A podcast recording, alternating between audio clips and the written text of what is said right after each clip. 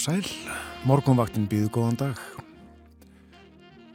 Komin mánudagur, ný vinnuvika hafinn, fjóruði desember í dag. Klukkur á matta nú nýjum mínutur í sjö. Við hugum að veðrinu og uh, sjáum að það var áttastega frosta sem kaldast var fyrir tæpri klukkustund, klukkan 6. En... Þryggjast eða hiti þar sem hlýjast var. Það var einn gráða í Reykjavík, allskíjað í höfuborginni og austan 5 metrar, áttast eða frost og stafóldsei, norðaustan þrýr þar, létt skíjað í stikkisólmi og tveggjast eða frost, hagur vindur, en tveggjast eða hiti bæði á Patrísfyrði og í Bólungavík, fjórir metrar á sekundu. Þryggjastega frost á Holmavík, norðvestan þrýr metrar og heiðskýrt við húnaflóa. Áttastega frost á Blönduósi, einsteg siti á Söðunisvita, fimmstega frost á Akureyri, allskíja þar, hægur vindur, svipa viður á Húsavík, fjórastega frost, nánast logn, áttastega frost á Rauvarhöfn. 6 steg frost á skjaldingsstöðum, 8 steg frost á eilstöðum, allskíjað. Hitti við frostmark á höfni Hortnafyrði en einn steg siti á kvískerjum og við frostmarkið á kirkjubæðaklaustri. Þrjárgráður á Stórhauðaði Vestmanægum, austan 16, sló í 20 metra í mestu kviðu og einstigs frost í Árnesi, 7 metrar þar. Kalta á hálendinu, 6, 7 tíu steg af frost, tíu steg af frost á karanhjungum en logg. Og horfurnar, veðfræðingur segir í hugleðingum, það verður suðaustan strekkingur við suðvestuströndina í dag og slitta eða snjókoma með köplum. En hægari vindur annar staðar, að mestu þurrt og það léttir allvíða til á norður og austurlandi. Og frost að tíu stegum, það verður kaldast í innsveitum norðaustanlands hiti í kringu frostmark suðvestan til. Og veðrið verður svipa á morgun, uh, líklega þó heldur minni úrkoma sunnan til á morgun en í dag og útlut fyrir einhver smá jél komið inn á norðaustamerklandið sítaðis. Þetta á við um morgundaginn. Hiti breytist lítið og uh, í gróðum dráttum verður veðrið næstu daga svipa því sem það verður í dag. Kallt 8, 10 eða 12 stiga frost það sem kaldast verður næstu daga. En uh, ekki mikla úrkomuð að sjá einhverja þó. Og vindræðin kannski svona já, frá 5 að 15 metrum á sekundum langtíma spáinn eða spá fyrir næstu daga í gróðum dráttum. Og uh, það er hálka víða á vegum sjá við á uh, korti vegagerðarinnar. Og snjóþekja sömstaðar þá þó síst við um vegi á söður og söðausturlandi. Nú að eh, jarðskjáltavirkninni en eh, um hana segir eh, jarðvísindamadur á vakt jarðskjáltavirkni hefur síðustu daga verið mjög svipuð millir daga og mældust 90 jarðskjáltar í gær og nótt þarna næri Grindavík, allir undir tveimur á stærð og uh, flestir voru þeir í kringum miðbygg gangsins. Segjum þetta gott að við yfirlítið yfir aðstæður á landinu í dag og uh, setjum fyrsta lag morgunvaktarinnar þennan morgunin af stað. Uh, hér er Kingston tríóið.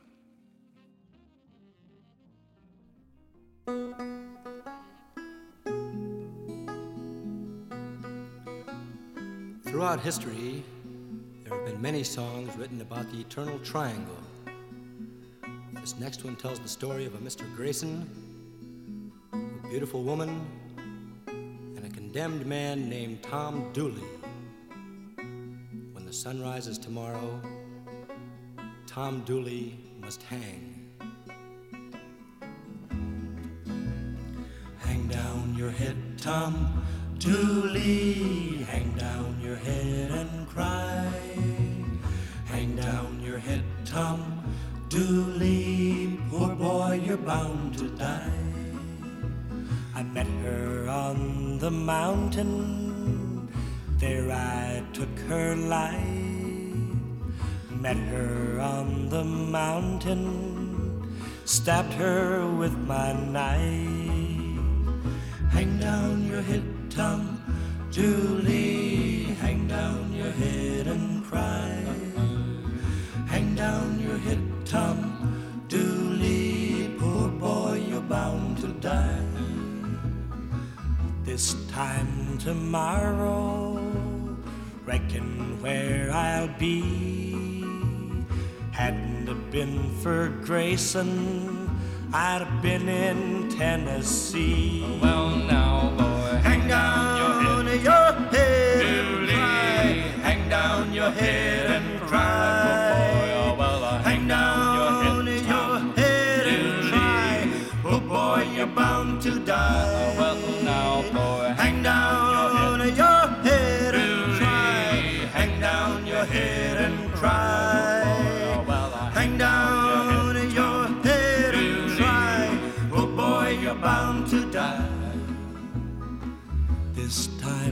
tomorrow, reckon where I'll be.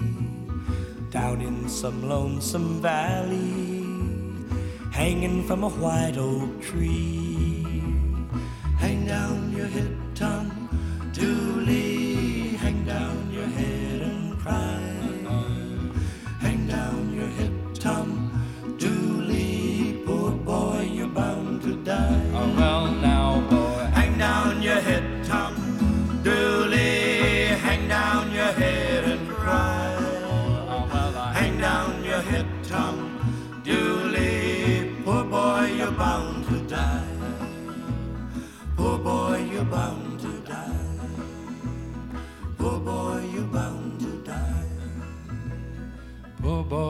Bound to die.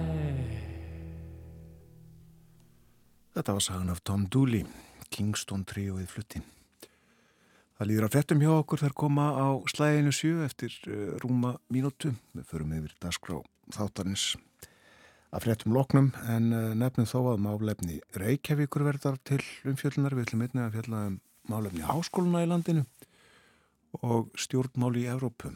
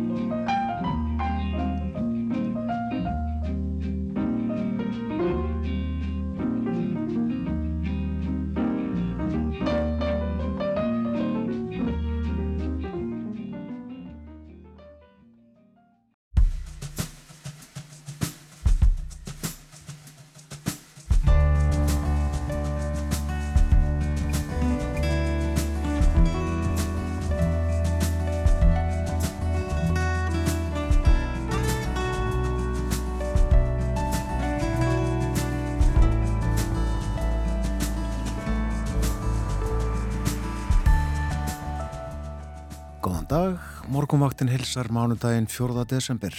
Umsjónamaður er Björn Þór Sigbjörnsson. Og við spjöllum meðal annars um málefni Reykjavíkur í dag. Fjárhags áætlun næsta árs verður afgreitt á morgun. Þá fer fram síðari umræða í borgarstjórn. En gestur minn í dag verður Sanna Magdalena Mörtudóttir. Hún situr nú sitt annað kjörtímabil í borgarstjórn fyrir sósélistaflokkin. Hún verði hér upp úr halv átta og við ræðum um fjármálinn og áforminn og heyrum hvernig hún vil sjá borgin að þróast og beita sér í þáu borgarana. Og við fjöllum líka um háskóla á Íslandi. Þeir eru sjö en þeim kann að fækka með saminningum á næstu misserum. Grunnur var lagður að háskólanum á Bifröst fyrir 105 árum með stofnun Samvinnuskólans. Hann starfaði fyrstu áratvíina í Reykjavík en var fluttur að Bifröst upp úr miðri síðustu öld og nú er fjarkensla mjög ríkur þáttur í starfseminni. Við tönum við Margreti Jónsdóttur Njarðvík um háskólan á Bifröst, möguleikan á saminningu við háskólan á Akureyri og sín hennar á háskólamálinn til framtíðar. Og Björn Málkvist verður með okkur, Björn í Brussel. Við eh, ræðum eftir morgunfréttir um Evrópuþingið. Það verður kostið til þess í aðeldaríkjunum næsta vor og svo aðtúi hvort einhver gangur sé í myndu nýra ríkistjórnar í Hollandi. Þetta er meðal það sem er á edniskráni hjá okkur. Nú hugum að uh, veðrinu. Horfur dagsins svo hljóðandi söðaustan 8 til 13 og slitta eða snjókoma með köplum við söð-vestur ströndina en annars hægari austlag átt og þurft. Frost 0 til 10 stig, kaldast norð-austan til, en hiti kringum frostmark á söður og söðvesturlandi. Og það verður sveipaðið á morgun þriðudag nema úrkomu minna um landið söðvestanvert. Heldur kaldar á morgun heldur en í dag. Tólsteg á frost þá. Og uh, svona í gróðum dráttum ámáta veður á miðugudaginn, austan 3 til 10, kvassara siðst, dáli til jél, söðaustan til en bjart viðri um landið vestanvert og uh, hiti á miðugudag um eða yfir frostmarki við suðuströndina en uh, annars uh, 0 til 10 steg af frost. Það er hálka á vegum, hálka eða snjóþekja og ófart váksi og breytalseiði en uh, aðrir vegir færir sínist mér. Á uh, búastu snjó á uh, heiðum á vestfjörðum til dæmis og sumstaðar á norður og norðaust, norðausturlandi líka. Nú, aðeins að hittastíginu í nokkrum öðrum borgum. Við sjáum að hittastígið er við frostmarki í Kaupanahöfn, það er 12 stiga frost í Óslo 10 stiga frost í Stokkólmi 11 stiga frost í Helsingi þryggjastega hiti eins og er í Þórsöfni færiðum tveggjastega frost í Núk á Grænlandi. Fjórastega frost í Berlin en uh, fjórastega hit í Róm. Og kolniða myrkur enn og uh, verður áfram í uh, svona tvær og halva klukkustund að jefnaði tekur að byrta í Reykjavík upp úr halv tíu og um tíu leitið í Bólungavík fyrr þó í Nesköpstað það gerist rétt upp úr nýju og uh, sólar uppbrás löst fyrir klukkan 11 í Reykjavík hálf 12 í Bólungavík hálf 11 í Neskjöpstað og uh, sólar lag í Reykjavík upp úr hálf fjögur upp úr þrjú í Bólungavík og uh, löst fyrir þrjú í Neskjöpstað og uh, myrkur skellur á þarna ekkert hjá milli fjögur og fimm. Þeir eru stuttir þessir dagar og uh, eiga eftir að stittast en uh, svo tekur það á lengja. Þetta hefur allt sinn gang. Nú uh, við lítum á fórsíðu morgunbladsins og uh, sagt var frá samtali sem að þar er við Þorvald Þorðarsson professor í eldfjallafræði við Háskóla Íslands í frettatímanum hér áðan En uh, hann segir ef landri síða á Reykjaneskaga heldur áfram með sama hraða og nú, þá er ljóst að eitthvað mun gerast. Það gæti þá leitt til eldgoss eða kviku innskotts og einhverjir jarðskjáltar yrðu með því, segir hann, en mér finnst ólíklegt að það verði beint undir Grindavík. Það er ættið að líka við Karl Pétur Jónsson, hann er uh, upplýsingafulltrúið framkvæmdarsíslunar ríkisegna en uh, svo stofnun auglistu um helgina eftir uh, íbúðum til leigu fyrir grindvikinga en um 200 grindvískar fjölskyldur vantar húsnaði og uh, það er auglist eftir lausum íbúðum og sérbíli og til eigu í að minnstakosti þrjá mánuði. Er líka að tala við Svan Bjarnason, hann uh, er svæðistjóri vegagerðirinnar en uh, vegagerðin hefur verið að uh, laga vegina eða þeirra að verið lagaðir á hennar vegum ef svo má segja. Í Grindavík fyllt upp í sprungur og hann segir vel fylst með götum í Grindavík. Og það verið gert næstu vikur. Svæðið verður vaktað. En uh, fórsíðu mynd morgunbladsins var tekin á þjóðminnisafninu í gær þar sem var uh, jólaskellur komu. Jólaskellurnar leppatuska, taska og flótsokka.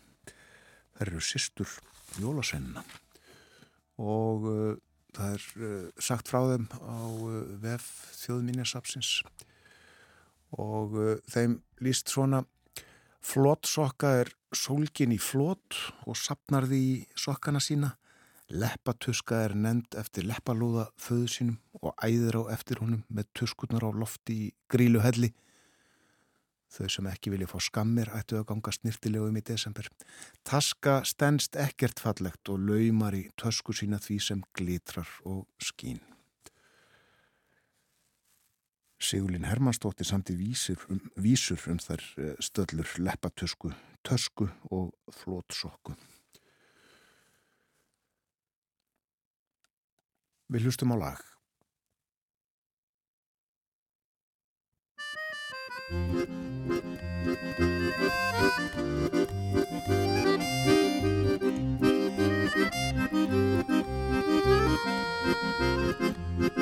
Ne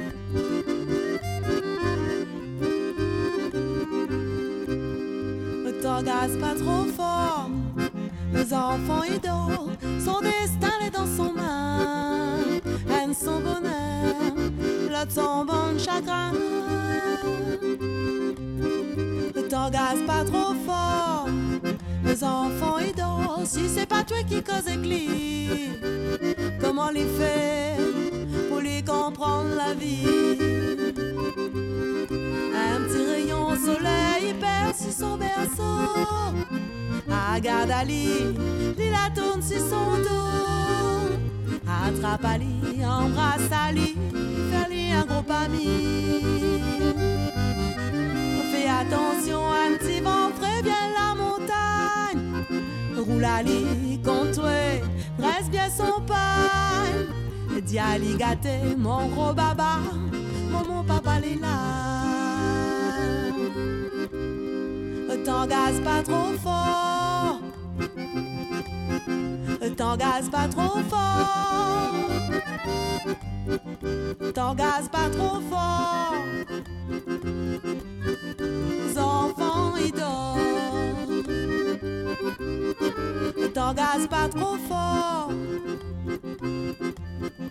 T'engage pas trop fort. T'engage pas trop fort. Moida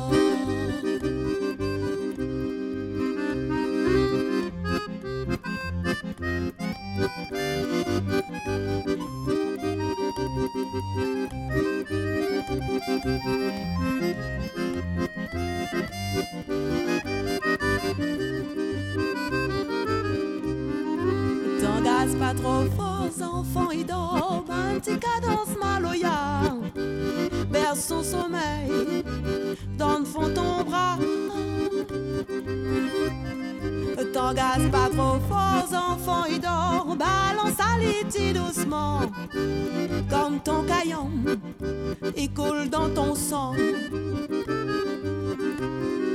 La nuit de la rentrée, il faut dormir. Dis Ali doucement, il faut grandir. Raconte Ali des trois petits souvenirs, histoires ton bonne famille. Napi grand-mère, calme, napi bébête. Dépose Ali doucement, tourne bien son tête. Chante pouli comme dans le temps longtemps, fais dodo la minette. T'engage pas trop fort. T'engages pas trop fort. T'engages pas trop fort. Enfants ils dorment. T'engages pas trop fort. T'engages pas trop fort. T'engages pas trop fort. Enfants ils dorment. T'engages pas trop fort. Ne t'engages pas trop fort. L'orgasme pas trop fort. Les enfants ils dorment. T'orgasmes pas trop fort. Pas trop fort. Pas trop fort.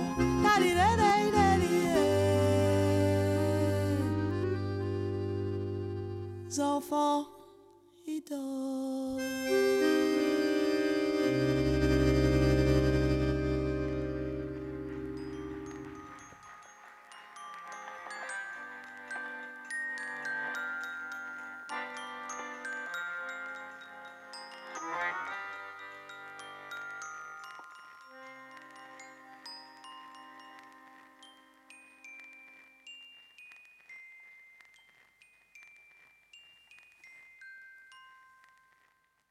Natalie Natjembje söng Tangas på Trofó.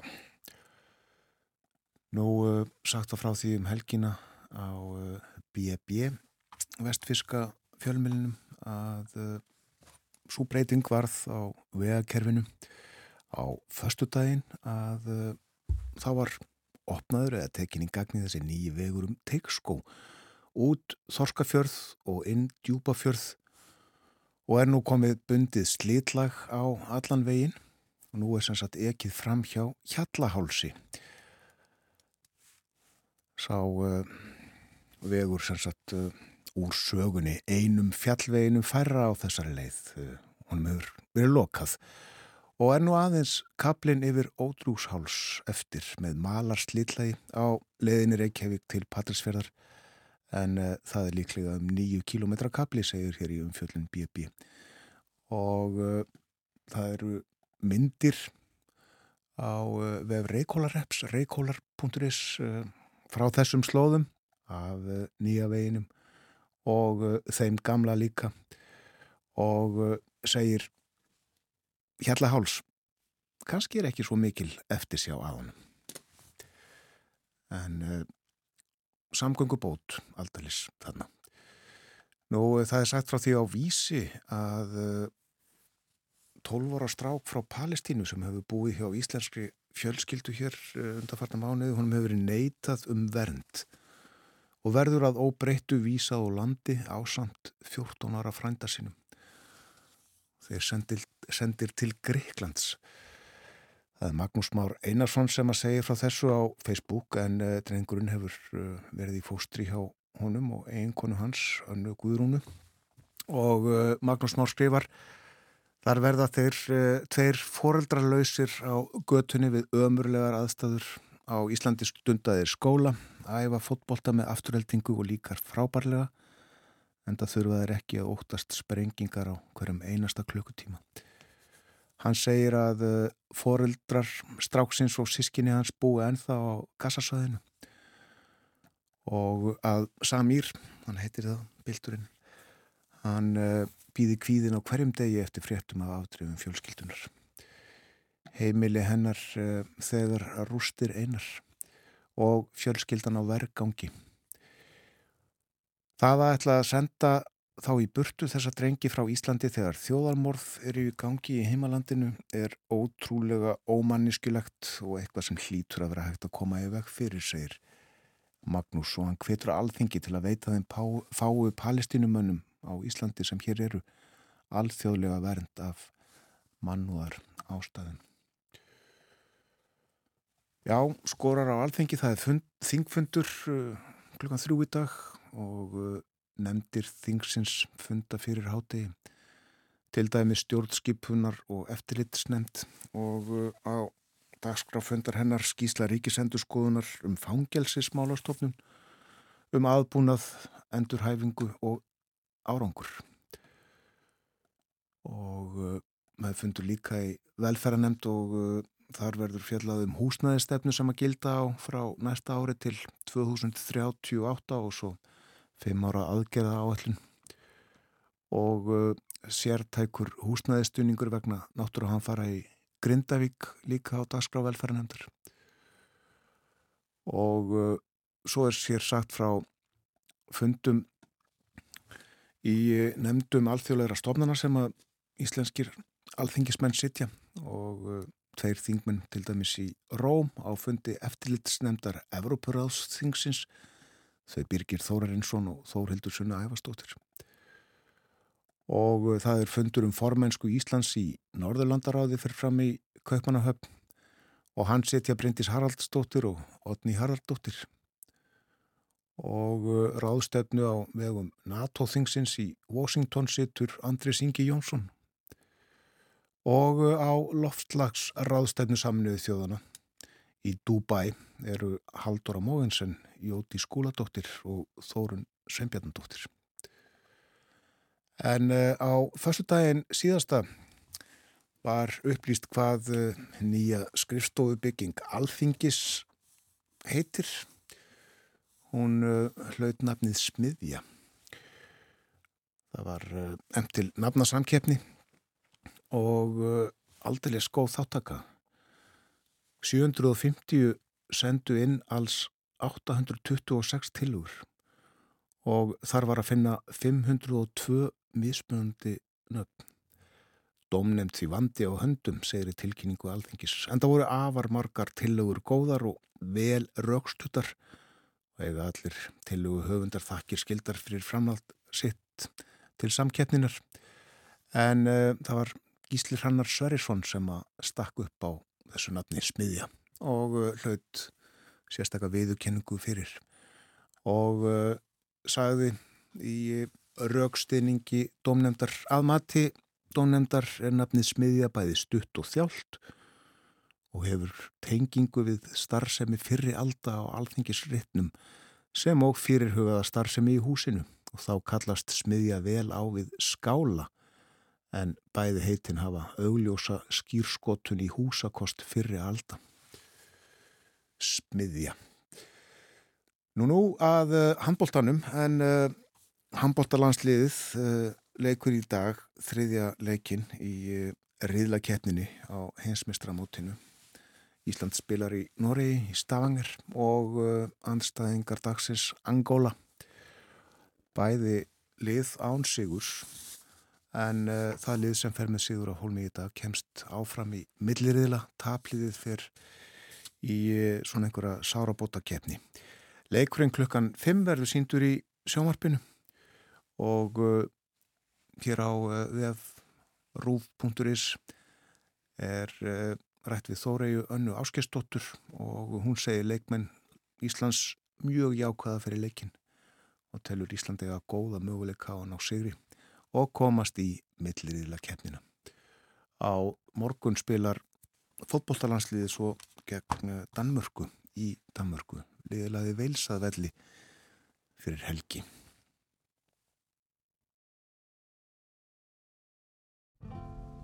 Desperta minha amada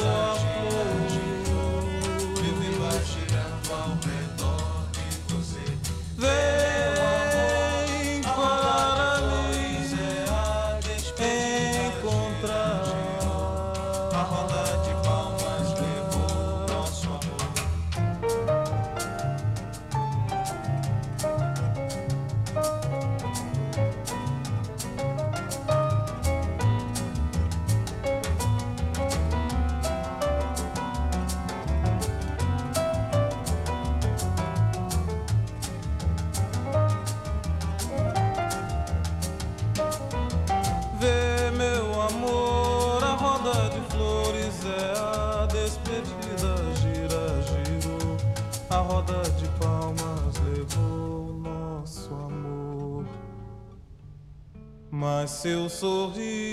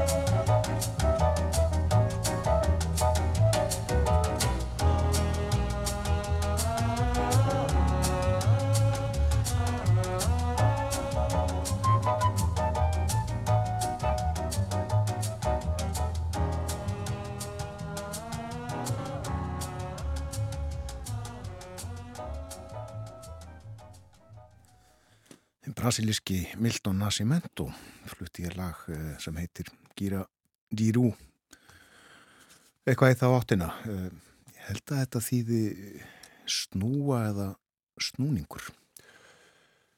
Það líður að frétta ef liti hjá okkur á morgunvaktinni kemur eftir þrjár mínútur eh, fyrst auglýsingar. En svo er Sanna Magdalena Mörtudóttir borgarfulltrúi Sósilistaflokksins að koma sér fyrir hér við borðið og við ætlum að spjalla um málefni Reykjavíkuborgar, fjárhags uh, stöðuna, fjármálin og ímislegt fylgið okkur áfram inn í daginn.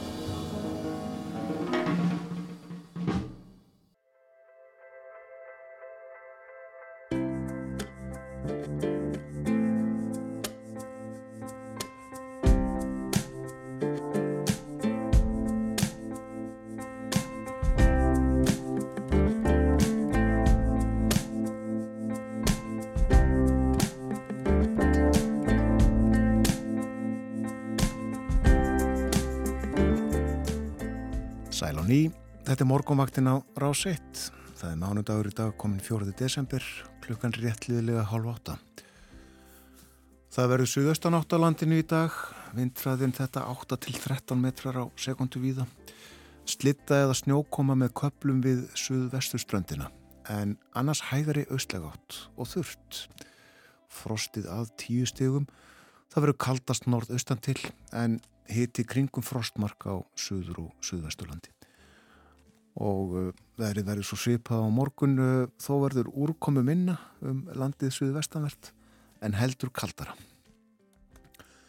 Nú ég minni á það að eftir morgun fréttinar klukkan átta verður Björn Malmqvist fréttamaður í Brussel með okkur. Við ætlum að tala um stjórnmálinn í Evrópu, við ætlum meðal annars að tala um, um uh, Evrópuþingið en uh, það verður kosið til þess í vor, byrjun júni ef ég mann rétt og við ætlum líka aðtúa hvort að uh, eitthvað gangi að mynda nýja ríkistjórn í Hollandi og uh, svo verður hér í þættinum upp úr hálf nýju Margrét Jónsdóttir Njarðvík, rektor háskólans á Bifröst en uh, 105 ár voru í gerð liðin frá því að samvinnuskólinn var stopnaður en háskólinn á Bifröst var til á grunni hans. Við ætlum að ræða eins um söguna, við þurfum að tala aðeins um Jónas frá Hriblu og uh, háskólamálinn vítt og breytt.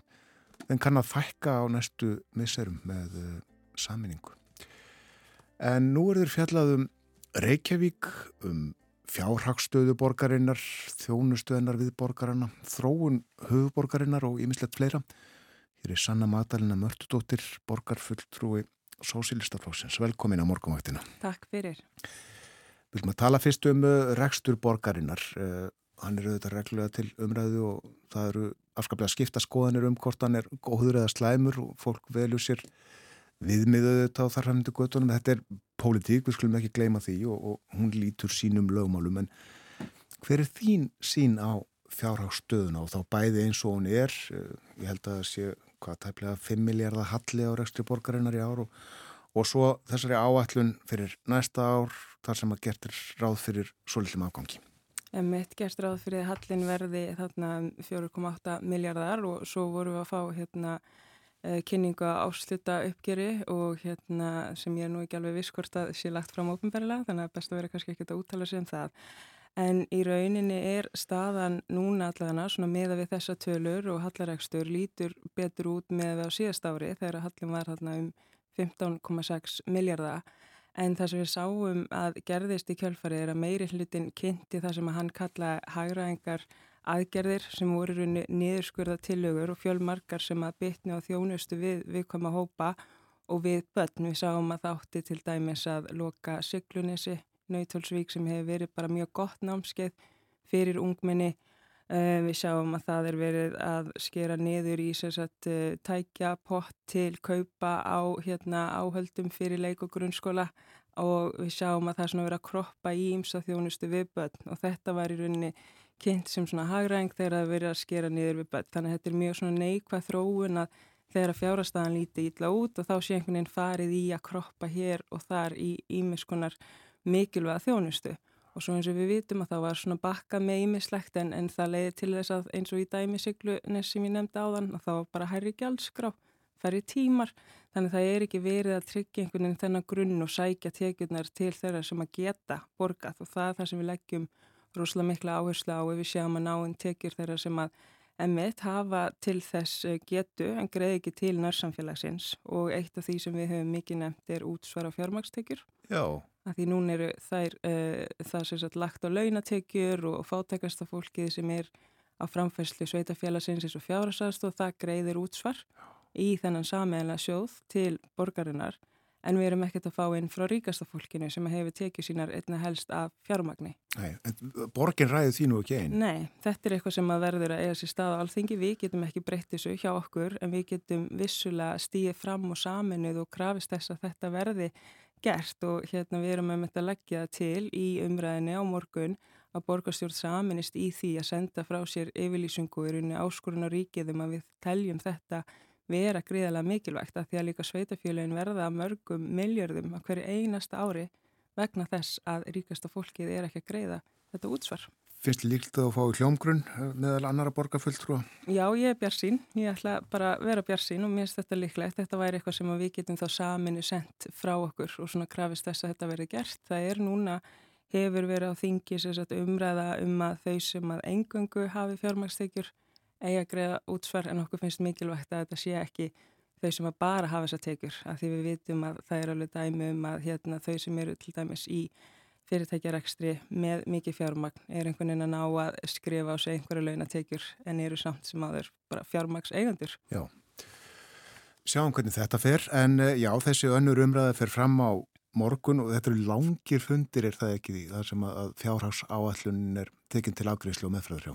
Jú, við sem sagt, ég var að skoða fundagerð frá síðast árið, þá byrjaði við hátteginu klukkan 12 og vorum að lappa út um miðnætti, þannig að þetta er greiðalega svona mikið sem við erum að fara yfir, það er umræða í rauninni þar sem við getum öll tekið til máls, 23 borgarfylltrúar, sagt frá okkar sín svona á borgina og svo eru uh, flokkarnir að leggja fram breytinga tillögur og svo í lokin þá eru við að kjósa um þetta allt saman og þetta verður oft mjög langt skjál. Já, afgriðslan, uh, atkvæðagreislan tekur marga klúkutíma kannski og þetta er flókið.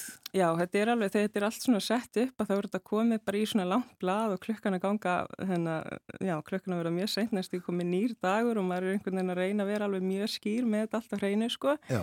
En við höfum sem sagt í fyrirumræðu sem var haldinn fyrir um mánuði síðan að þá sem sagt uh, koma inn tillögur sem að varða í rauninni tekjuhliðina eins og álagningar, hlutfall, útsvars, um, fastegnarskattar og, og, og gjálskrár. Þannig að það er rauninni búið að afgreða það og við til dæmi settum aðtöðsendir við uh, gjálskrár hækkanir um, í þessu svona árferði að þá náttúrulega er bara mjög erfitt fyrir almenning að vera sífælt að greiða hærri gjöld fyrir þjónustu og það var í fyrirumræðu sem við uh, lögðum til að fastegnarskattar á atvinnuhúsnæði eruðu hækkaðir aftur, það var felt. Þeir voru sérsagt lækkaðir í kjölfar COVID og eftir að þetta var gert að þá hefur um, þetta kostað borgarsjóð um 500 miljónir á ári, halvan miljard.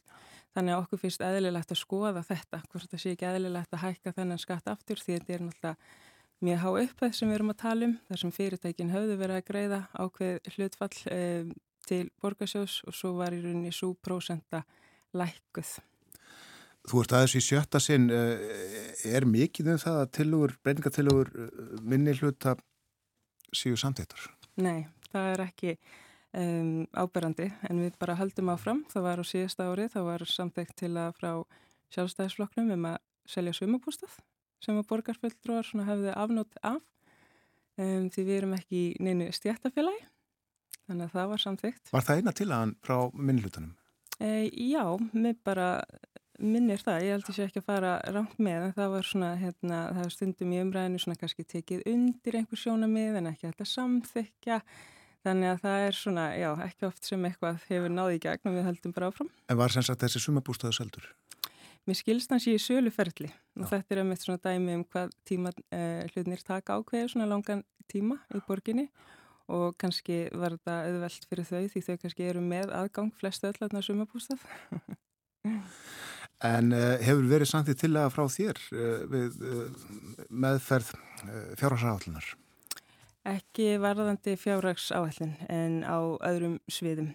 Til dæmis eins og aðgerða áallin gegn rasisma hefur verið samþygt en það tengist ekki fjárrags áallunar gerð.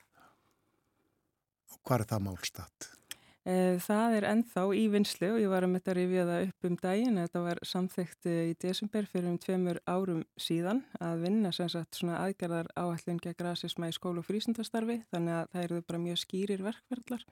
Varðandi hvernig er þið tekið á því og það hefur komið svona áfanga skýrsla en í rauninni er þessir verkverðlar ennþá ekki tilbúinir tekur eh, margt svolítið langan tíma hjá borginni greinilega. Já, mjög langan tíma og oft eru við að leggja fram fyrirspurnir eða tillögur og þær fá þá afgreifslu bara mörgum mánuðum e, síðar þannig að oft þegar maður færi til dæmi svar við einhverju fyrirspurn og kannski einhverju mánuðum eftir að það bara já, byttu, hvað var ég eftir að hugsa hérna? Það voruð aldrei gammalt. Akkur er þetta svona óskilvirt? Áttur þið á því? Við höfum heyrt svona umræðu um að eftir fjölgum borgarfulltrúa þá hafi svona auki vinnu álægið á, á, á starfsfólk sem að sé þá, um, þá eru fleiri fulltrúar að leggja fram fleiri fyrirspurnir en það er náttúrulega eðlilegt finnst mér að við séum að leggja fram svona fyrirspurnir og þá þurfum við þá að skoða að ef að það eru fleiri borgarfulltrúar þá þurfum við kannski fleiri um, inn á skrifstofu til þess að vera svona sinna þessum fyrirspurnum svara þeim. Já, þannig að, að þér finnst að, að fjölga starfsmunum til þess að Skoða komast það, yfir þetta alls saman. Já, eða kannski líka bara fyrirkomulæð, er einhver verkefni sem að geta beðið eða sem er kannski um, ekki svona forgangsatrið, bara skoða þetta vel í rauninni hvað fari í forgang og hvað ekki. Þannig að því að náttúrulega greiðlega mikilvægt fá, upp, uh, fá fram upplýsingar til þess að geta unni málinn. Hvernig finnst þér borgin hafa þróast á þessum árum sem þú hefur verið í borgastjórn?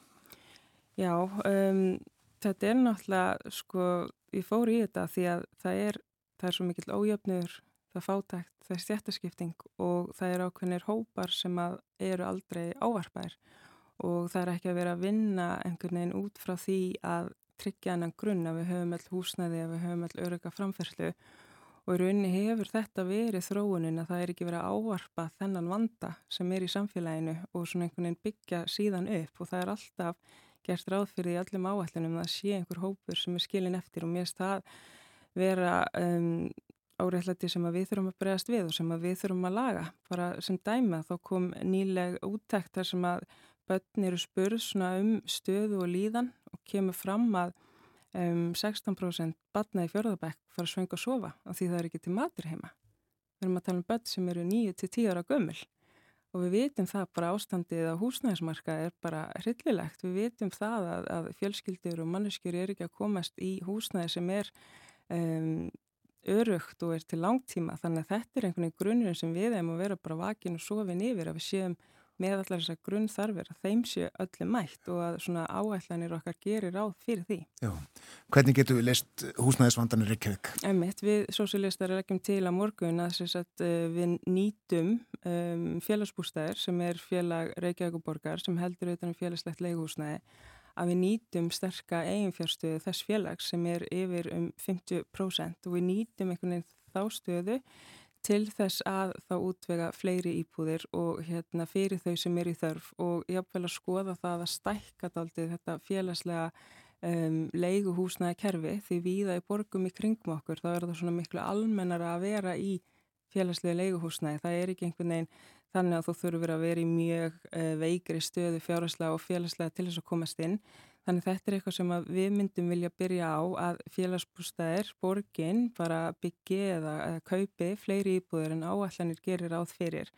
Að því að við sjáum til dæmis núna þá erum þúsund á öllum bygglistum borgarinnar eftir húsnaði en áhællin borgarna til næstu fjara ára gerir ráð fyrir því að útvega um 484 íbúðir. Þannig að þetta bara mynd, hljóðu mynd fari ekki saman. Þannig við þurfum að mæta þörfinni og passa við séum með eitthvað aukalega fyrir þau sem náttúrulega er í þörf og til lengri tíma þá náttúrulega er þetta betra fjáraslega fyrir borgina vegna þess að hún er að greiða vel yfir miljard á ári í sérstakann húsnæðistöning til þeirra sem að uh, þurfa stuðning vegna hárarlegu sem eru auðvitað skiljanlegt að við styðjum leyendur sem eru í, í erfiðri stöðu en það gengur ekki uh, til lengri tíma að vera alltaf að niðugreiða okkur legu. Þetta eru, eru greiðlega háar fjárhæðir. Og þær myndu sparast á móti, já? Já, ef við tökum bara þrjú ár þá er þetta 4,6 miljardar sem að Reykjavíkuborg er að greiða í sérstakann húsnæði stuðning. Þess að ef við skoðum 2022, árið í ár, næsta ár þá gerst ráð fyrir 4,6 miljardum. En hefur staðan uh, í þessu málflokki vestnaði raunni uh, síðan þú byrjaði í borgarstjórn og nú er ég ekki að kenna þér þessart um það heldur mm -hmm. bara því að það er, það tímabil sem þú þekki vel. Já, ég held að sé að koma meira upp á yfirborðið þegar við sjáum bara hryllilegar aðstæður þegar það eru uh, brunar, bruni í húsnæði sem er ekki henda til búsetu Um, þannig að þetta verðist kannski verið að koma meira upp á yfirborði þessi svona aðstæða þegar þú hefur, getur ekki leita neitt annað og er komin bara í eitthvað stór hættilegt sem er ekki hugsað sem íbúð. En uh, ástandi svona almennt í uh, þjóðfélaginu, mm -hmm. tökum við ekki nógu vel auðvitaðnum uh, fólk sem að þarnast þess virkilega?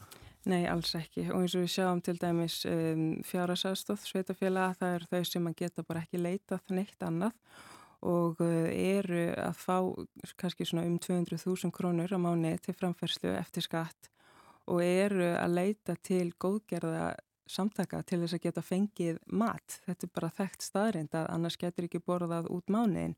Uh, við sjáum einhvern veginn að áhersluðnar verðast miða að því að, að svona hérna mæta þörfum þeirra sem eru fjársterkir frekar en að byrja mitt á hérna þeim sem að hafa það verst. Eins og ég talaði bara um veist svengt badna, um, húsnæðisleysi, heimilisleysi það er einhvern veginn svona ekki verið að skoða veruleika um, þessara íbúa og þessar fólks og, og hérna einhvern veginn verðist bara vera lítill sem engin skilningur fyrir því að einhver geti virkilega haft það svona slæmt á uh, Íslandi í borginni.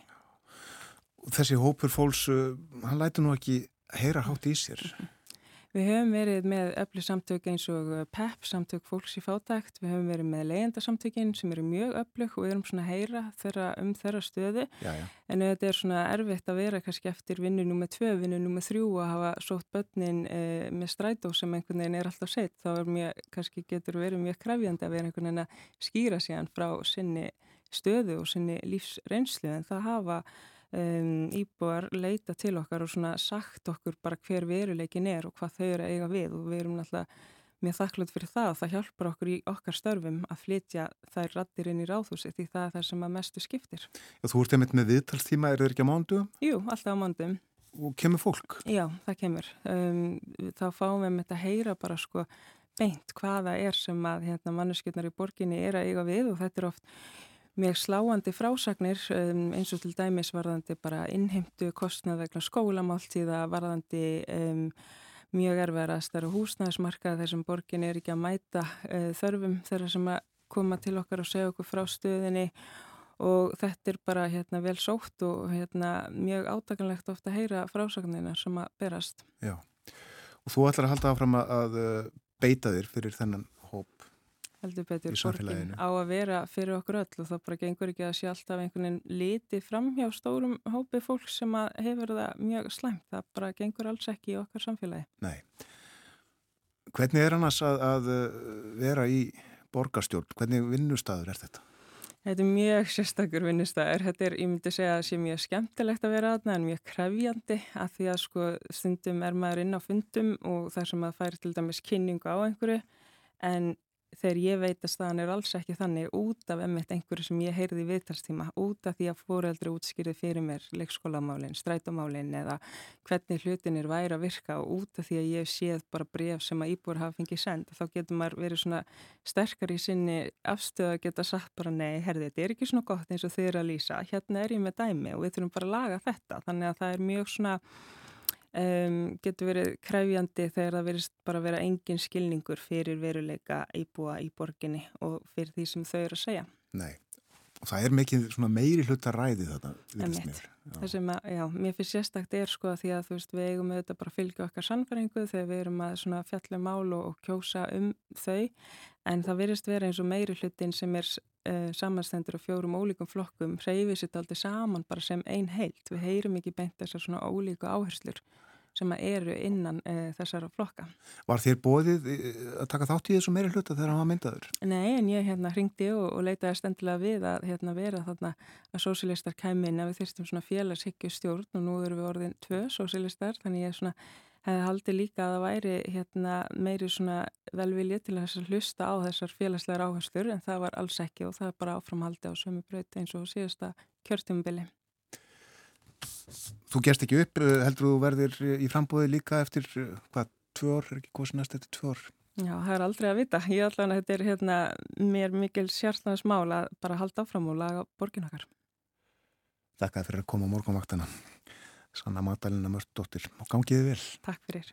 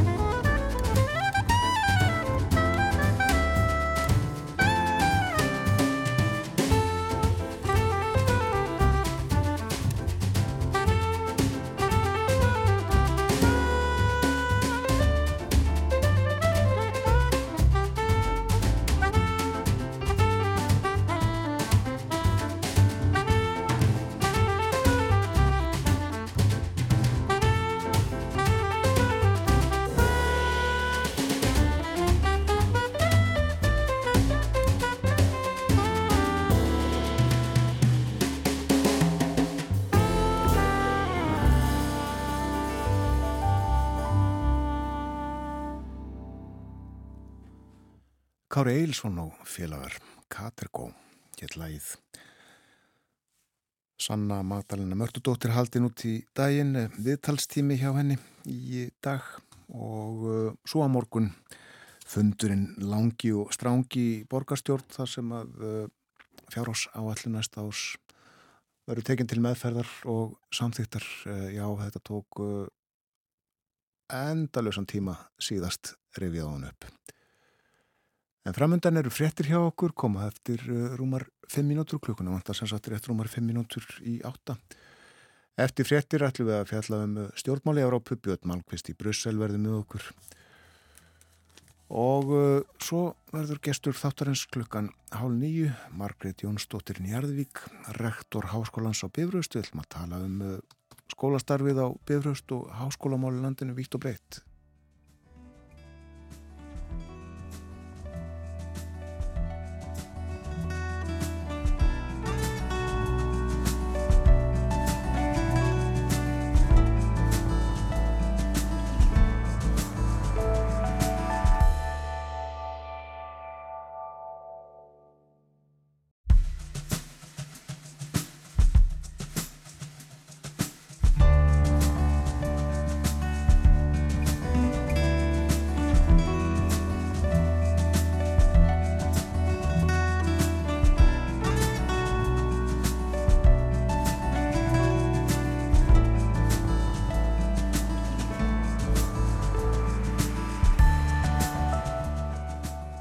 Sæl á ný, þetta er morgunvaktin á rás 1, klukkan farin að ganga nýju, 6 mínútur gengin í nýju, það er mánudagur í dag, 4. desember, fyrsti surundagur í aðvendu í gær.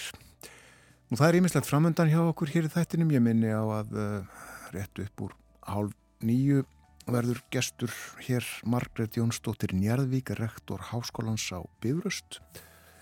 Við ætlum að tala um uh, Háskólan á Bifröst og háskólamál í landinu.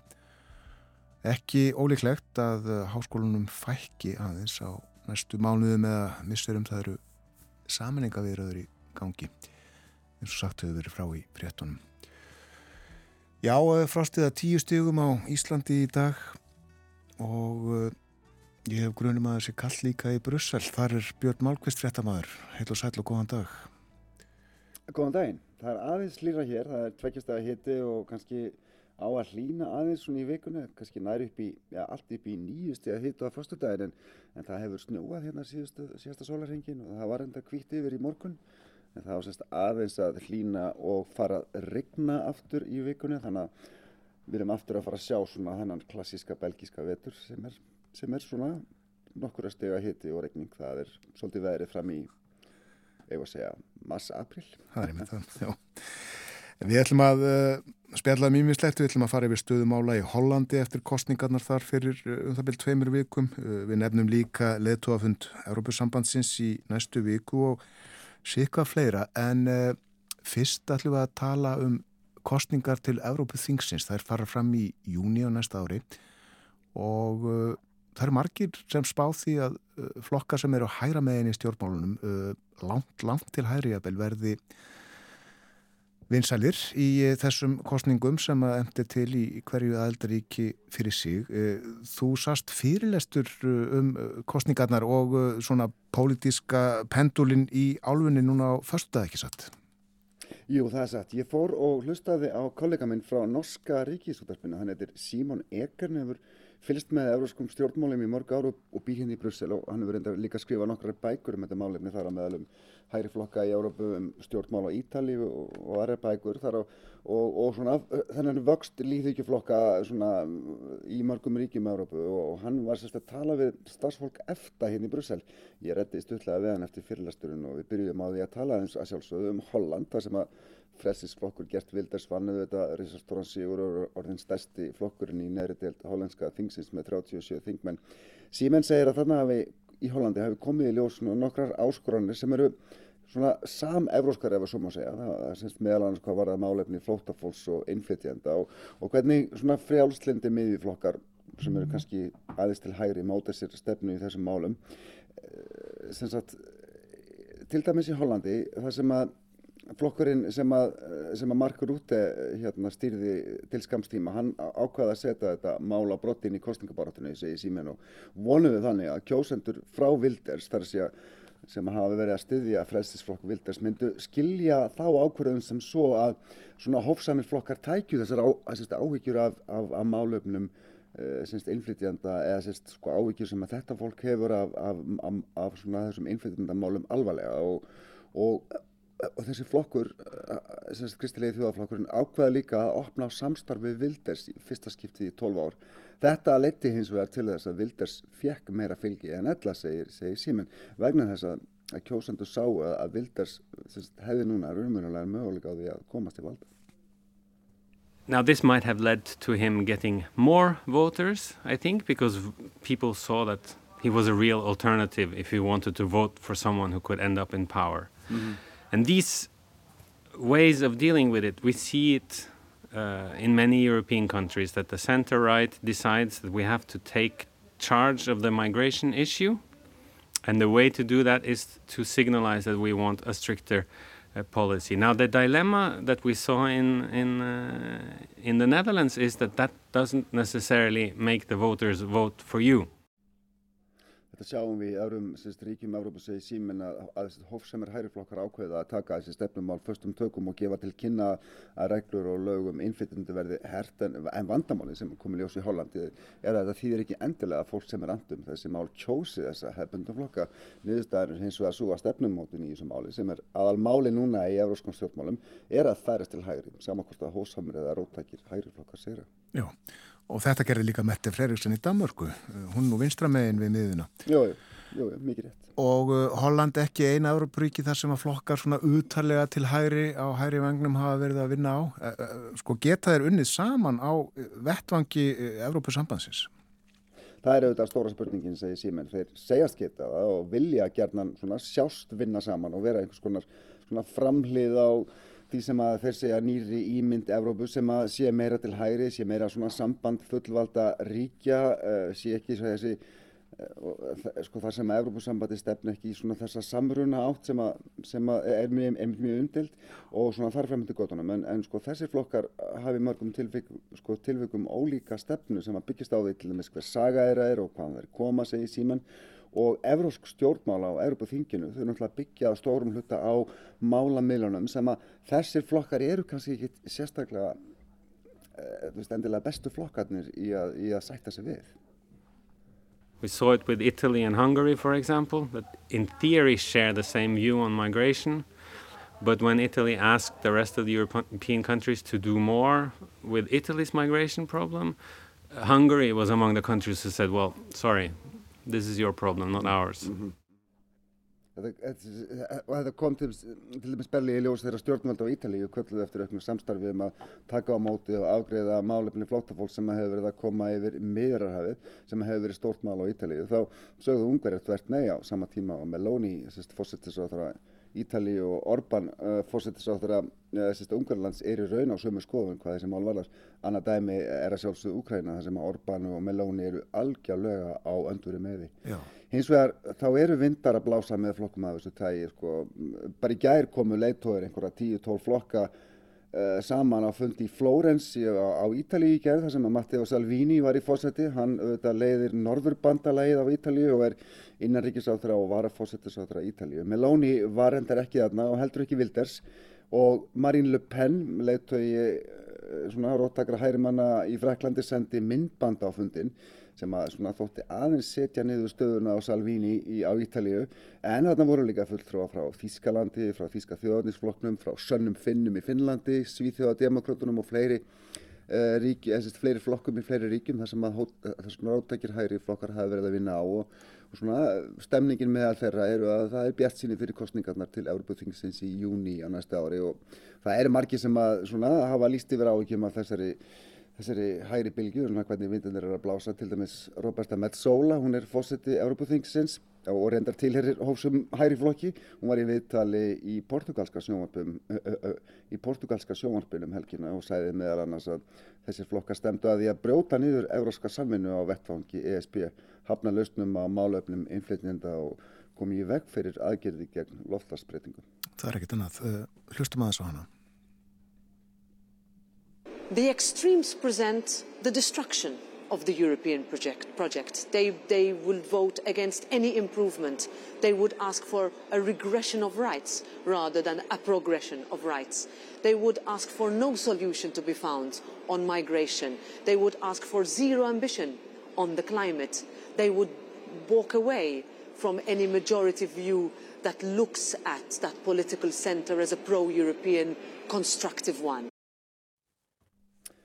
Já, sem sagt, hörð orð frá fórseta Európa-þingsins í sjónarpunum helgina og hún hefur greinilega mjög, mjög sterkar og mótaðar skoðanir á, á, á, á þessum hægri flokkum sem að, sem að, sem að sumir hafi kannski kallað öfga hægri flokka en ég myndi kannski freka vilja kalla það á sko róttaka hægri flokka, kannski svona gera kannski smá greinamuna á sko á svona einhverjum á þessum flokkum og síðan sko, hreyfingum óbeldisfullra hægri manna sem að maður sér við. Já.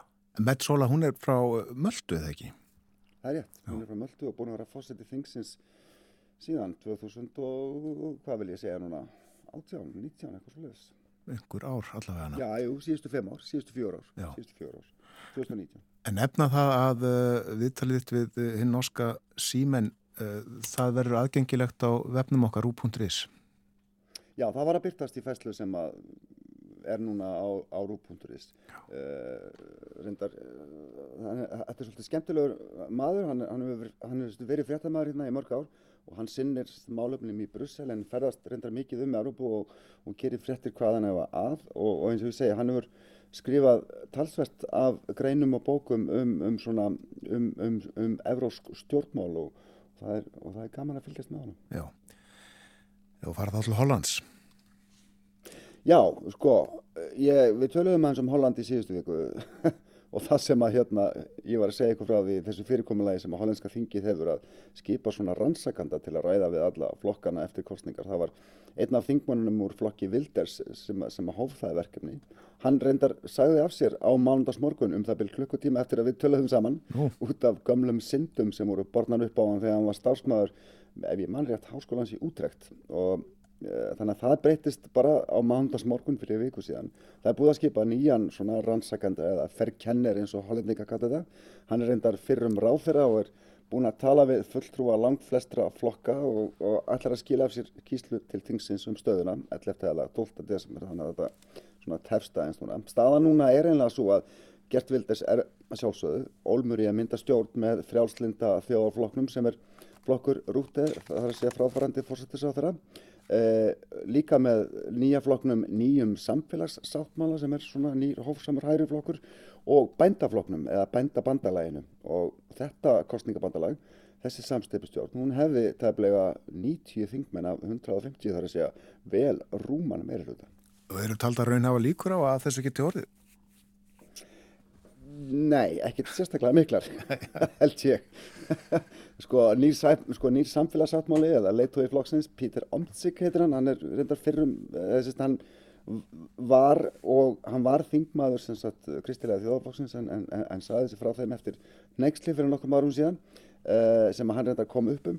Hann er að vísu opinn fyrir samstarfi við Gert Wilders en sko Omtsik, hann hefur lístið yfir að hann vilji svona ákveðnar tryggingar fyrir því að, að Wilders leggir til hlýðar öll stefnumál sem að getur brotið í bóa við stjórnarskrá Hollands til dæmis um trúfrelsi.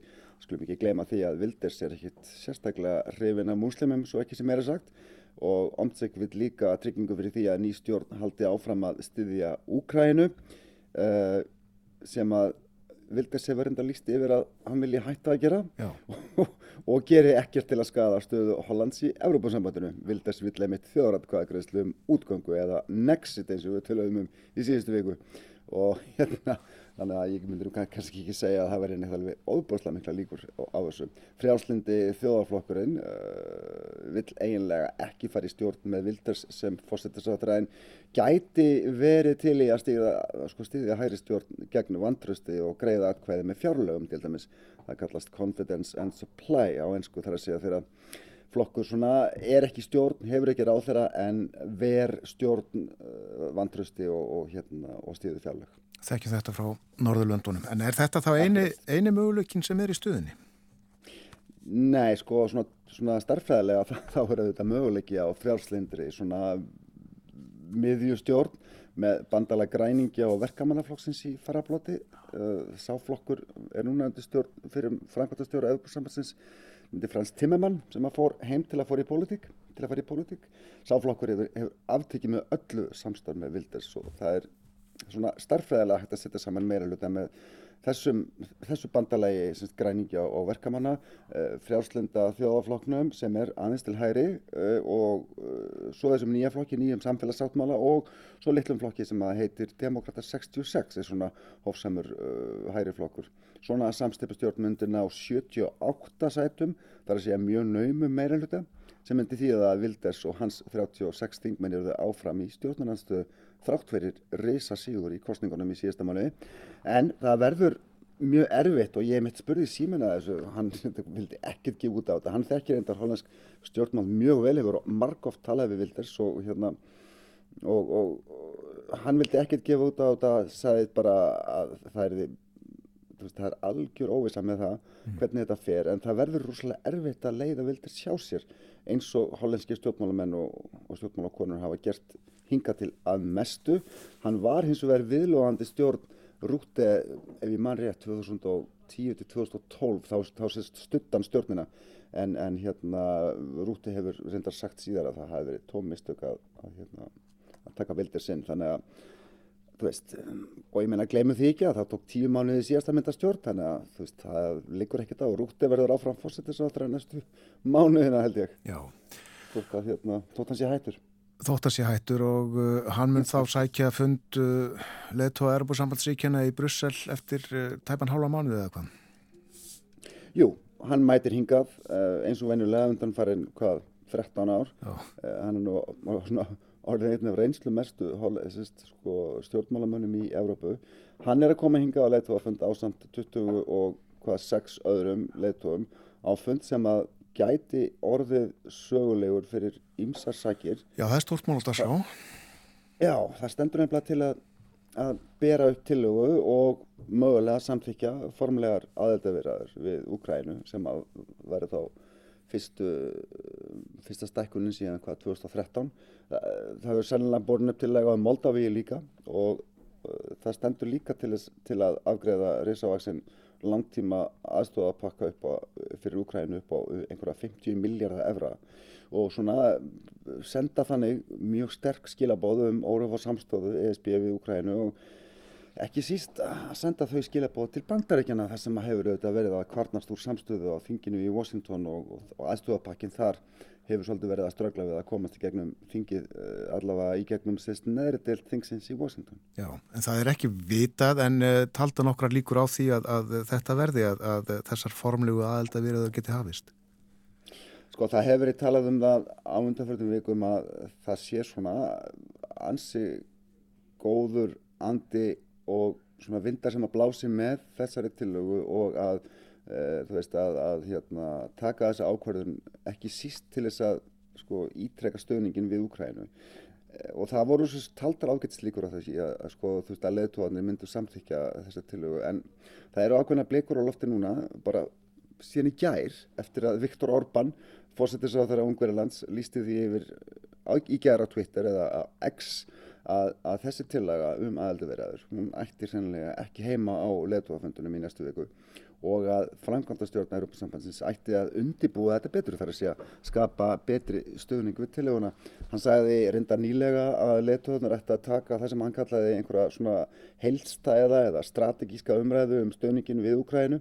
Það var til þess að Charles Michel, fórsetið leðtóðaráðsins, fór til Budapest í síðustu vik veginn mann rétt til að reyna að setla málið en það hefur greinin ekki tekist betur en þetta.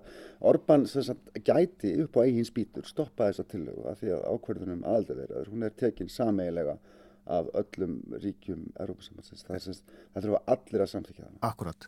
Og uh, alls konar mál undir og ekki síst peningar framlög til Úkrænu. Jú, þetta snýst semst um, eins og ég sagði, 50 miljardar evra, hluti af því eru lán, uh, hluti af því eru, eru styrkir uh, og þetta er svona að þessir 50 miljardar snúast um að í rauninni halda samfélags, halda kerfinu, halda ríkinu gangandi þar að segja í Ukrænu næstu næstu fjögur árin til 2027 uh, uh, umræða um vopnapakkan er svo önnur umræða upp á einhverja 20 miljardar ef ég mann rétt.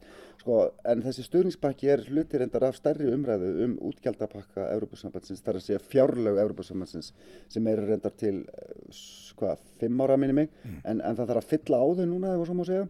Og, en framkvæmtastjórnin ákvaða að setja þennan stuðning til Úkrænu saman, í, saman við tillögu sem að felur líka að sér önnur útgjöld til dæmis að styðja aðeldaríkju vegna mótöku flóttafólks, borga af lánum sem að hafa verið tekin samiðilega af Európa-sambandinu og ímislegt annað og þetta er svona vakið mismerkla hrifningu meðal aðeldaríkja, til dæmis Þýskalands þar sem eru smá vandræði í peningamálum eins og Artur Björgum Bótarsson hefur kannski fjallaði með, með ykkur Mikið rétt. og svo kannski væri það ekkert voðalega nýtt og engin stórfrétt ef að Orban tekur svona mál eins og aðstofapakkan til Úkrænu í einhvers konar gíslingu til að fá sínu framgengt í einhverju öðru máli, gleymum ekki því að, að þeir hafa til dæmis átt í langvarandi delu við, við frangotastjórnuna um, um styrki sem hafa ekki verið veitti til, til Ungverjalands vegna, vegna áhyggja um, um sko, lög og réttafari í Ungverjalandi.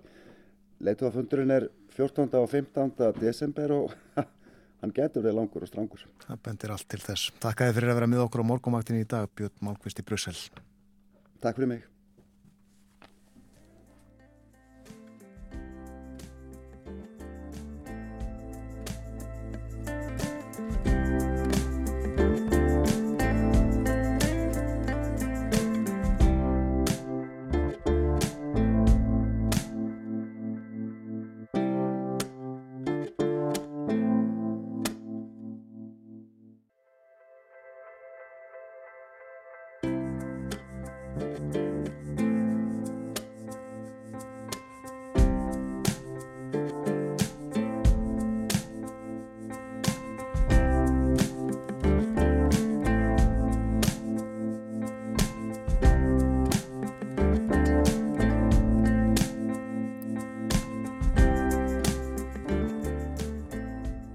Aftur, þetta er morgunvaktin á rás 1, klukka núna réttliðilega hálf nýju. Það er mánudagur í dag, 4. desember og uh, kolniða myrkur ennþá og uh, verður uh, allavega held ég í svona klukkutíma í viðbót. Veðurhorfurnar, já þær eru alveg reynd bara ágættar, suðaustan 8 til 13 metrar, það má búast í slittu eða snjó komi með köplum við suðu vestur ströndlandsins en annar staðar verður hægari auslega átt og þurrt og það verður kallt frostið að tíu stigum kaldast norðaustan til og uh, verið á morgun verður mjög áþægt því sem það verður í dag en þá að uh, sögunni í gær 3. desember þá voru 105 ár liðin frá stopnin samvinnuskólans og það var sambandið sem að stóða skólanum, samband íslenskra samvinnufélaga. Helsti kvatamaður á stopnum skólans og fyrsti skólastjórin og skólastjóri raunar í um 30 ár var Jónas Jónsson frá Hriblu, Jónas frá Hriblu. Og háskólinn á Bifröst var svo til á grunni samvinnuskólans. Þótt hann sé kendur við þann góða stað í borgarferði þá er hann eiginlega án staðsetningar því hann er í dag einhverjum fjarnámsskóli og í anda þess er uh, rektor skólans á Bifröst uh, Margret Jónsdóttir Nervík í hljóðstofu á Akureyri. Heil og sæl og góðan dag. Já, góðan og blessaðan daginn. Er ekki allt í sóma á Akureyri? Jú, ég er í lokn eins og uh, tilherir Norðurland á veturna og fallegur kvítur snjór Hljóma vel. Við ætlum að spjalla svolítið um bifröst og, og uh, líka um háskólamál í landinu almennt en fyrst margætt að þessari sögu og rótonum byggiði að einhverju leiti á grunninum á, á samfunnu hugssjóninni og, og hugmyndafræði Jónasar. Það er svo skemmtilegt að háskólinn á bifröst, hann lifir samkvæmt þremur gildum sem er frumkvæði, ábyrð og samvinna. Já. Og orðið samvinna kemur ávalt upp og tengir okkur við sögurskólans. Akkurat. Og uh, þetta var uh, út í bláin hjá Jónas hjá sín tíma. Þetta hann byggði á, á kenningum er það ekki, hugmyndum, hugmyndafræði. Jú, Jónas hafði farið til Danmarkur og svo hafði hann farið til Bretlands og þá var hann mjög hrifin af uh, skóla sem í dag heitir Ruskin College og var svona beigður á hugmyndum um mentun fyrir alþýðuna og hann er náttúrulega fættur hér fyrir norðan uh, á Riblu og uh, sveið uh, skortur á mentun fyrir börn bænda. Og það var hug, grunnurinn að hugmyndans að stopna samvenniskóla og síðan þetta náttúrulega gerist árið 1918 það eru 105 ár síðan þá er svo merkilagt með, með Bifröst og háskólan og Bifröst og saminni háskólan skólinn hefur borið mörgunöfn að hann hefur ávalt laga sig að menta þörfin landsmanna. Já. þarna vantaði þetta síðan beitir hann sér fyrir stopnu hér að skólana síðan verður Bifröst að heimavist þegar skólinn flytur að hreða vatni og síðan fer hann á háskólasteg fyrst grunngráða, svo meistargráða Akkurat og uh, fyrir fólk sem ekki veit þá uh, var skólinni mitt uh, stopnaður í Reykjavík og, og var starraktur þar fyrstu áratvíðina áður en að svo ákveði var að fara upp í Borgafjörð. Meit. En uh, nú eins og ég sagði, uh, er þetta engum fjarnám sem að bóðið er upp á eða er hægt að koma í, heitir það ekki, staðnám? Sko, Háskólinn á Bifröst byggir námið sitt upp á svo kallum staðlótum þannig að þeir nemyndur sem eru við skólan, þeir koma tvísva sinnum á misseri frá faustu degi til sunnudags eða fymtu degi til sunnudags í mist og vinnar þar verkefni með kennurum sínum. Annars er skólinn í skíjónum, er, háskólinn er bara eins og regnbóin sjálfur, Bifröst tíði regnbói, hann er í skíjónum og uh, hefur metnaður okkar farið í það að vera fremst í fjarnámi. Það er að skipla í það náminu sem uh, henda nefndum og svo er það líka þessi hug, hugmynd að uh, færa fólki nám sem það þarf á að halda og fjarnám er jafnbrettismál. Ótrúlega margir get ekki sótt nám nefn í fjarnámi.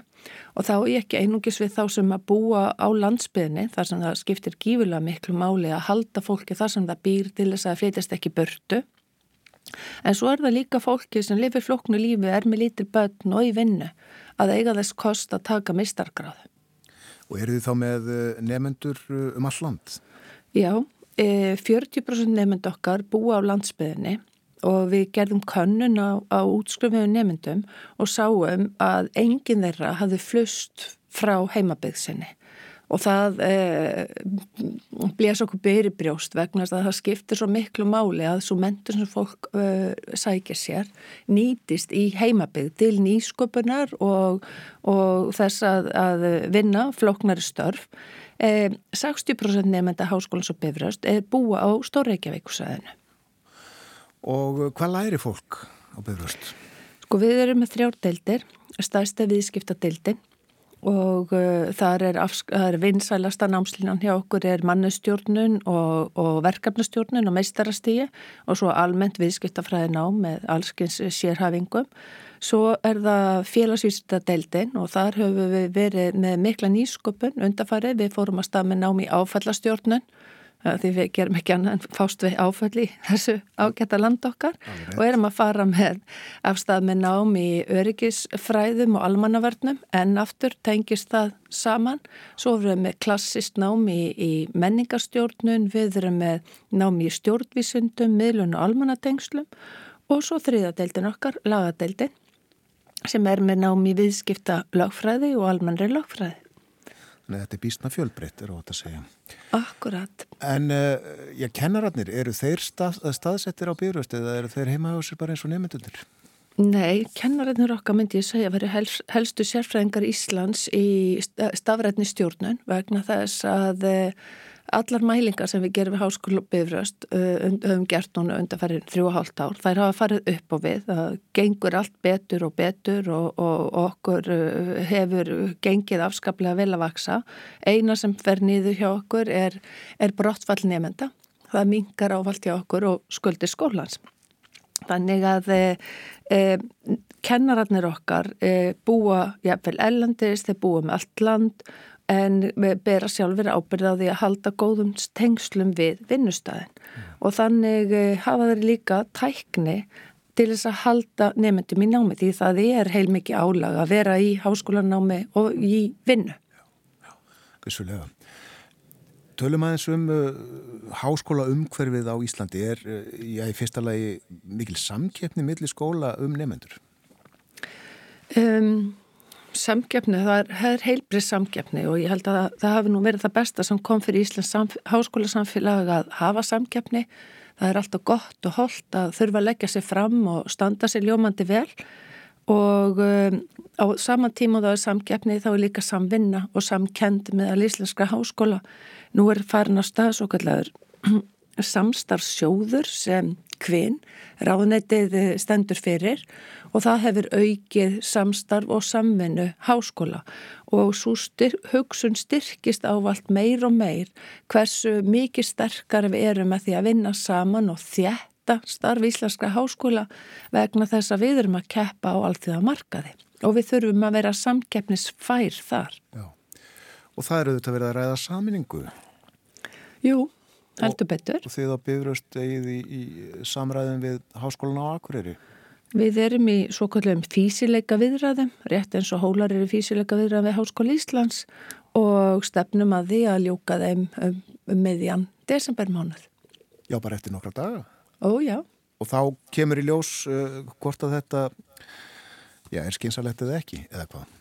Jú, við, við erum að vinna, það er saminningarnemnd eh, Háskólans á Akureyri og Háskólans á Bifröst og við höfum unni mjög fallega saman og við eh, komum að niðurstöðun síðan er það uh, Háskólaráð, Háskólans á Akureyri, stjórn og fulltrúaráð Háskólans á Bifröst, það eru þeir aðeljar sem að munu taka ákverðunum hvort að við höldum áfram með þetta, þetta mál. Já. En sínist þér, getur sagt eitthvað um það? Heldur þú það styrki skólana að saminast? Eh, ég trúi á starri og öflugri háskóla. Háskóla sem eru með eh, sterkari stjórnsíslu, sterkari akademíu og til þess að háskóla verði alþjóðlega samkeppnishæfir þá þurfa að stækka. Og ég hef mikla trú á því samtali sem við eigum. Það er bæði á jafnræðisgrunni og, og byggir af metnaði, já. byggir á metnaði. Já, og þetta likur fyrir já eins og segir núna meðan desember. Akkurat. Og uh, er þetta þannig að, að það er hægt að steipa einn sama með tiltölu einfjöldum hætti ef, ef að verður?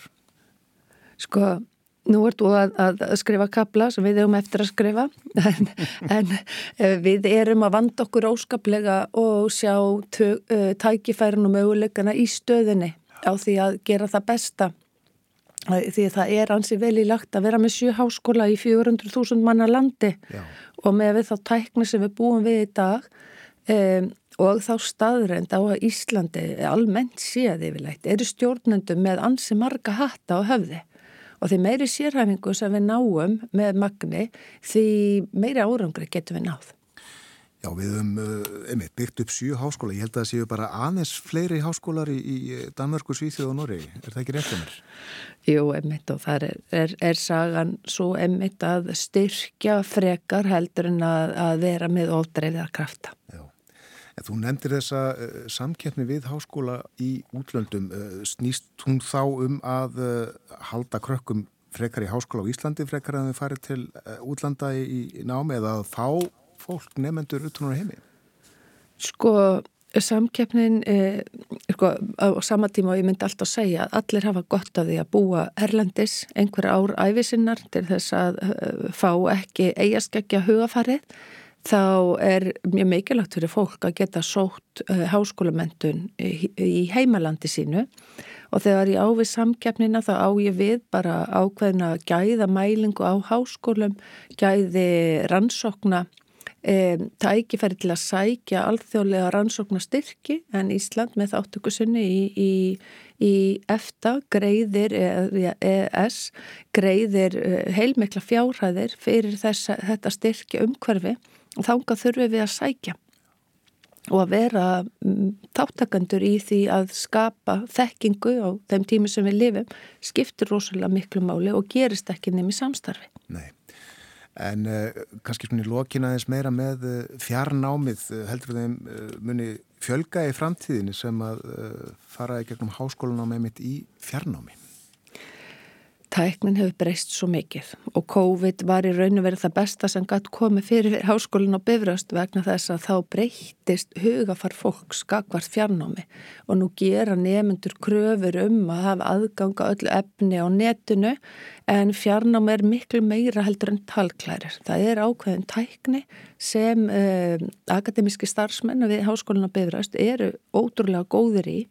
Þannig að það er þróun sem verður ekki stöðuð En á sama tíma þá verðum við alltaf að hittast því að maður er mann skaman og COVID kend okkur það líka að við verðum að koma saman. Við fylgjum með þessu. Það verður spennandi að sjá á, að hvaða eh, niðurstuðu komist í þessum saminningamálum. Eh, kæra þakki fyrir að vera með okkur í þættinum í dag. Þakkaði miklu heldurbjörn. Margret Jónsdóttir. Takk fyrir að bjóða mér. Takk, takk. Takk. Margret Jónsdóttir Njarvík, rektor Háskólans á Byrust, stött á Akureyri og uh, þar var lokk, saði Margret og uh, snjór yfir.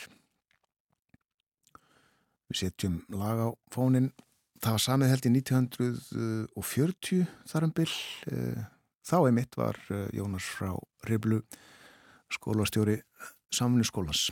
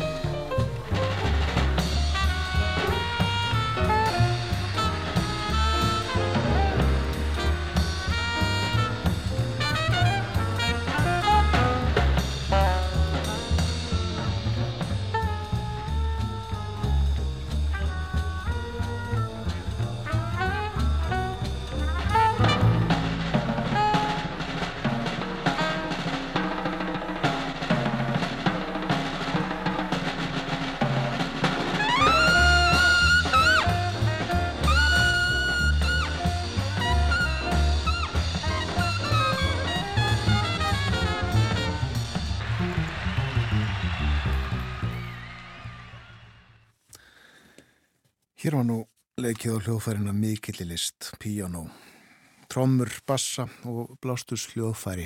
Perdido heitir uh, lægið, þekktur jazzslagari frá 1941 og uh, þarna á ferð meðal annara Bud Powell, Charles Mingus, Dizzy Gillespie og Charlie Parker.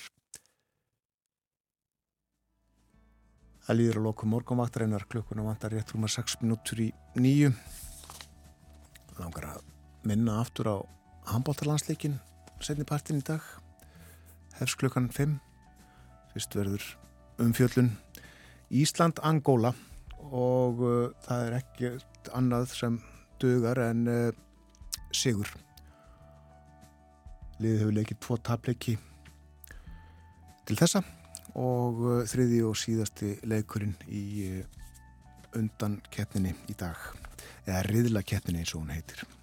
Sigur veðurinn kemst áfram í milliðriðla en uh, tapliðið fyrir spilar um fósettabíkarinn held ég þessi kalla svona einhver sárabóta keppni Ég minni á að Atto Björgum Bollarsson verður með okkur á morgunvaktinni í fyrradag, Berlinarspjall á þriðudegi en uh, lengri verður þátturinn ekki í dag. Björn Þó Sigbjörnsson þakkar samfélgina frá því snemma í morgun og við bjóðum góðan dag í fyrramálið þegar klukkunum vantar tíminn 37. Verðið sæl.